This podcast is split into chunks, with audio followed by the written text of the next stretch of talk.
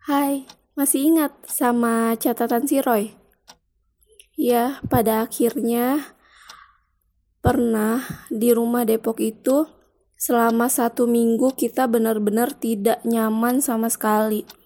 Baik saya ataupun suami.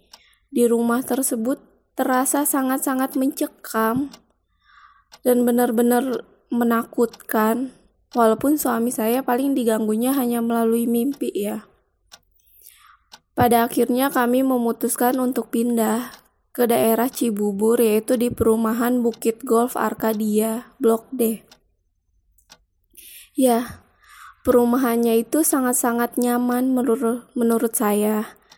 Karena apa ya? Karena emang nggak berisik, tenang, walaupun ya tetangga saya masih banyak rumah yang kosong sih.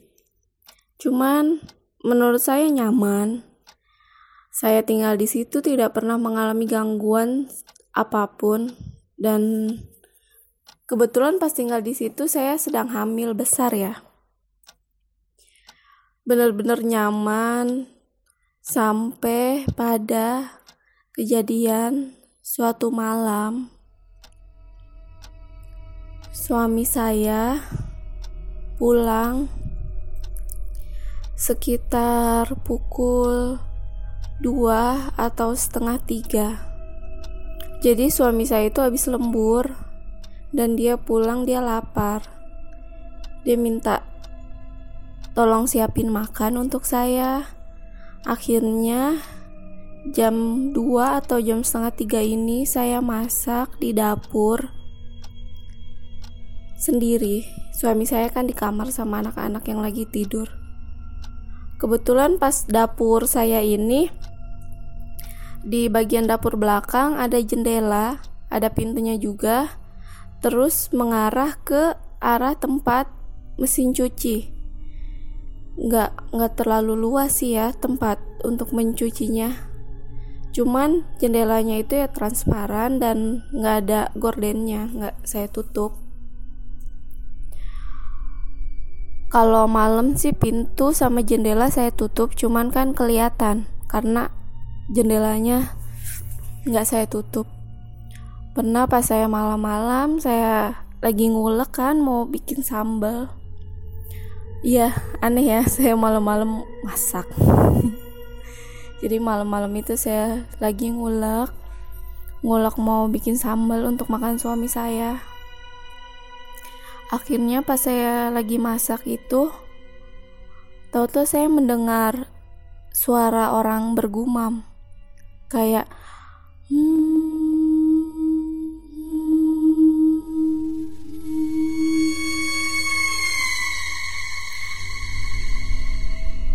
Cuman saya nggak tahu itu suara apa. Pikir saya oh mungkin tetangga belakang rumah kali karena kan di perumahan ini rumahnya sangat uh, dempet-dempetan ya. Saya pikir tetangga sebelah rumah kali. Saya tetepin aja lanjutin masak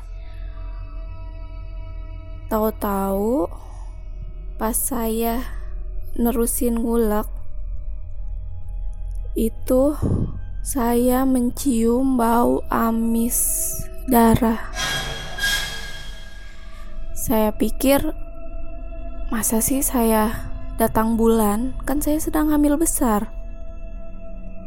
Tapi kuping saya tetap masih mendengarkan suara yang orang yang bergumam itu sih kayak hmm, hmm. Cuman nggak jelas suaranya itu kayak kayak ketiup angin. Suaranya nggak jelas pelan sekali.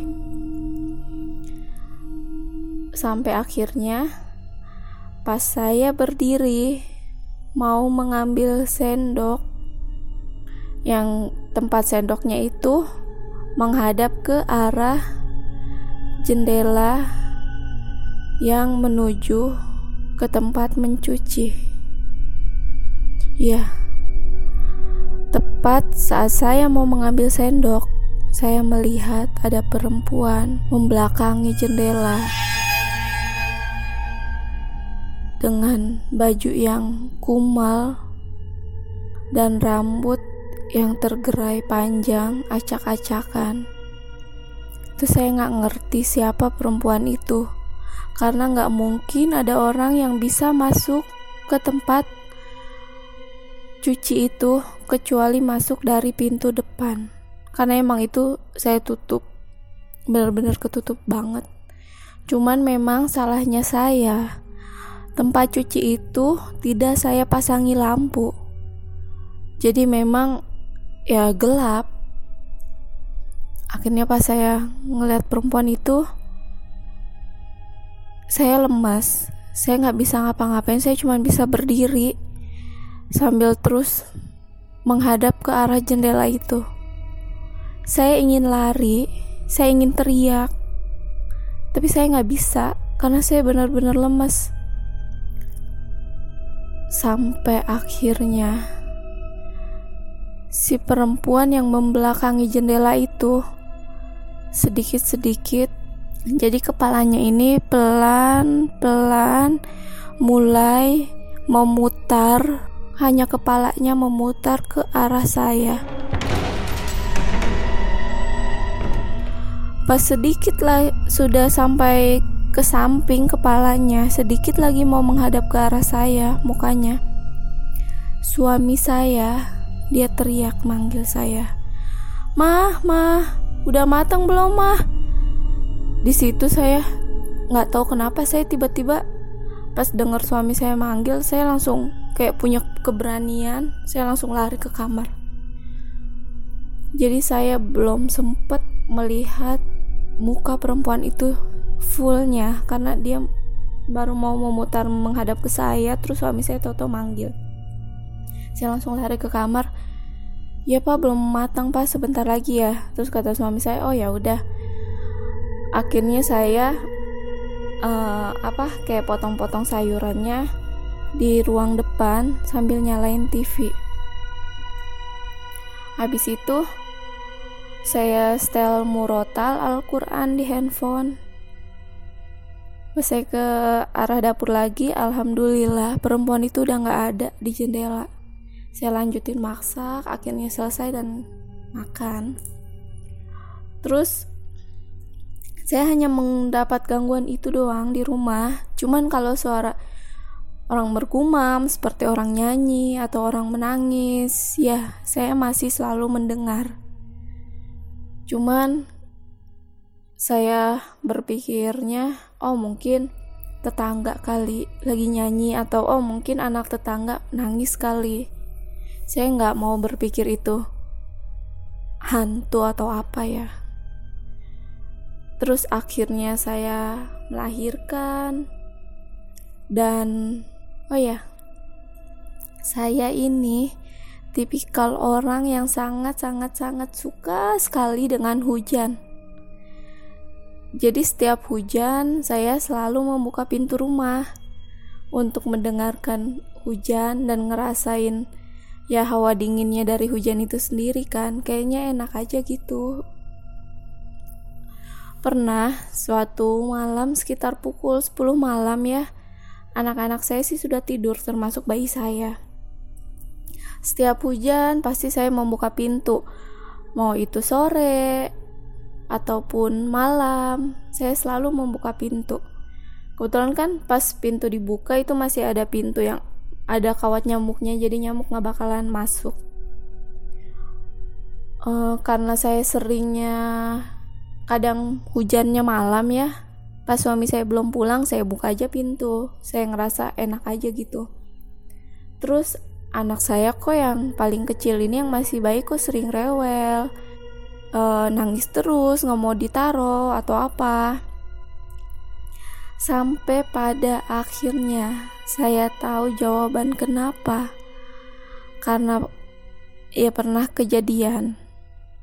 Itu malam ya sekitar pukul 10 lewat, 10 lewat tengah malam. Anak saya sudah tidur semua.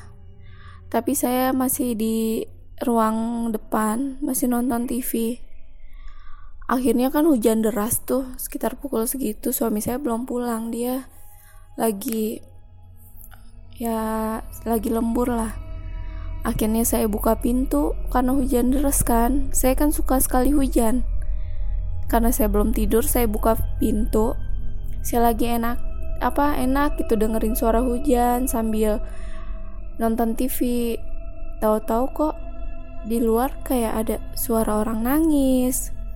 Tapi ya balik lagi suara orang nangisnya ini pelan. Hanya sayup-sayup seperti suara yang terbawa angin pelan sekali. Saya mikir apa anak tetangga nangis? Tapi kok suara nangisnya kayak di depan rumah ya? Akhirnya oh ya uh, pintu depan saya itu sebelah kanan dan jendelanya itu sebelah kiri. Akhirnya saya jalan pelan-pelan menuju ke pintu mencari asal suara yang menangis itu. Dan setelah sampai depan pintu saya nggak ngeliat apa-apa.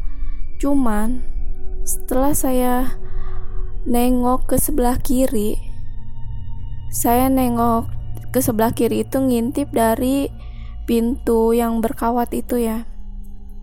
Pas saya nengok ke sebelah kiri ternyata di situ ada perempuan yang sedang duduk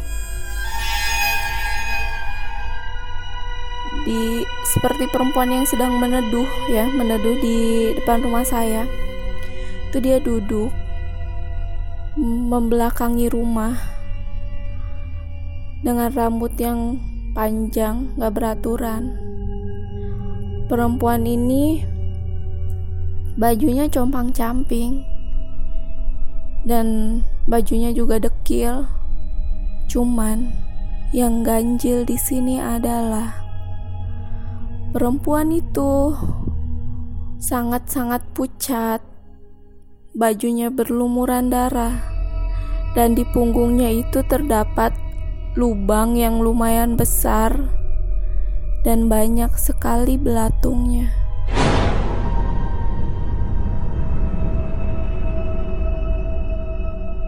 Pas saya ngintip, di situ saya langsung astagfirullahaladzim ini bukan ya saya sadar ini bukan manusia karena masa ada manusia yang punggungnya berlubang dan banyak belatungnya dan bajunya banyak darahnya. Pas saya ngintip, saya masih terpaku ngintip menghadap ke si perempuan yang duduk ini yang seperti yang sedang berteduh dari hujan. Entah kenapa saya ngintip dan saya bukannya lari atau menutup pintu tapi saya malah diem mengintip ke sebelah kiri yang si perempuan itu sedang duduk. Sampai pada akhirnya si perempuan ini menghadap ke arah saya. Ketika si perempuan ini menghadap ke arah saya, itu saya benar-benar nggak bisa gerak ya. Entah kenapa badan saya nggak bisa gerak, saya cuma bisa diam sambil ngintip si perempuan ini. Si perempuan ini yang sedang menangis menghadap ke arah saya. Langsung ketawa, bener-bener ketawa, terbahak-bahak di kuping saya bener-bener nyaring. Perempuan ini tiba-tiba terbang dan mengarah ke depan rumah saya. Samping depan rumah saya ada penghuninya. Nah sebelahnya ini rumahnya kosong, kosongnya udah lama sekali dan dijual pun sepertinya belum laku. Si perempuan ini terbang. Terbangnya begitu cepat ya seperti asap. Tiba-tiba langsung terbang ke arah rumah depan rumah saya yang kosong itu. Saya langsung tutup pintu saya kunci pintu saya ke kamar. Saya langsung astagfirullahaladzim itu benar-benar seumur-umur saya melihat sesuatu yang seperti itu akhirnya saya ambil wudhu saya ngaji untuk menenangkan hati saya. Besoknya saya cerita kepada orang tua saya. Dan ibu saya langsung bilang, "Itu masih mending loh kamu di luar rumah." Kata ibu saya gitu. Karena dulu waktu di kampung itu malah di tengah-tengah rumah, tahu-tahu set muncul berdiri di tengah-tengah rumah sambil ketawa-ketawa. itu keadaannya pas hujan besar. Entah ini mitos atau fakta. Jadi untuk yang tahu mungkin bisa memberi tahu saya maupun komen di podcast horor ataupun DM saya. Mungkin kalian ada yang tahu dan mau memberitahu saya sebenarnya itu uh, mitos atau fakta ya. Terima kasih banyak ya sudah mau mendengarkan catatan si Roy sampai yang keempat. Nanti selanjutnya saya akan bercerita. Akhirnya saya pindah rumah lagi dan di rumah terakhir inilah yang sampai saat ini masih saya tempati. Terima kasih banyak.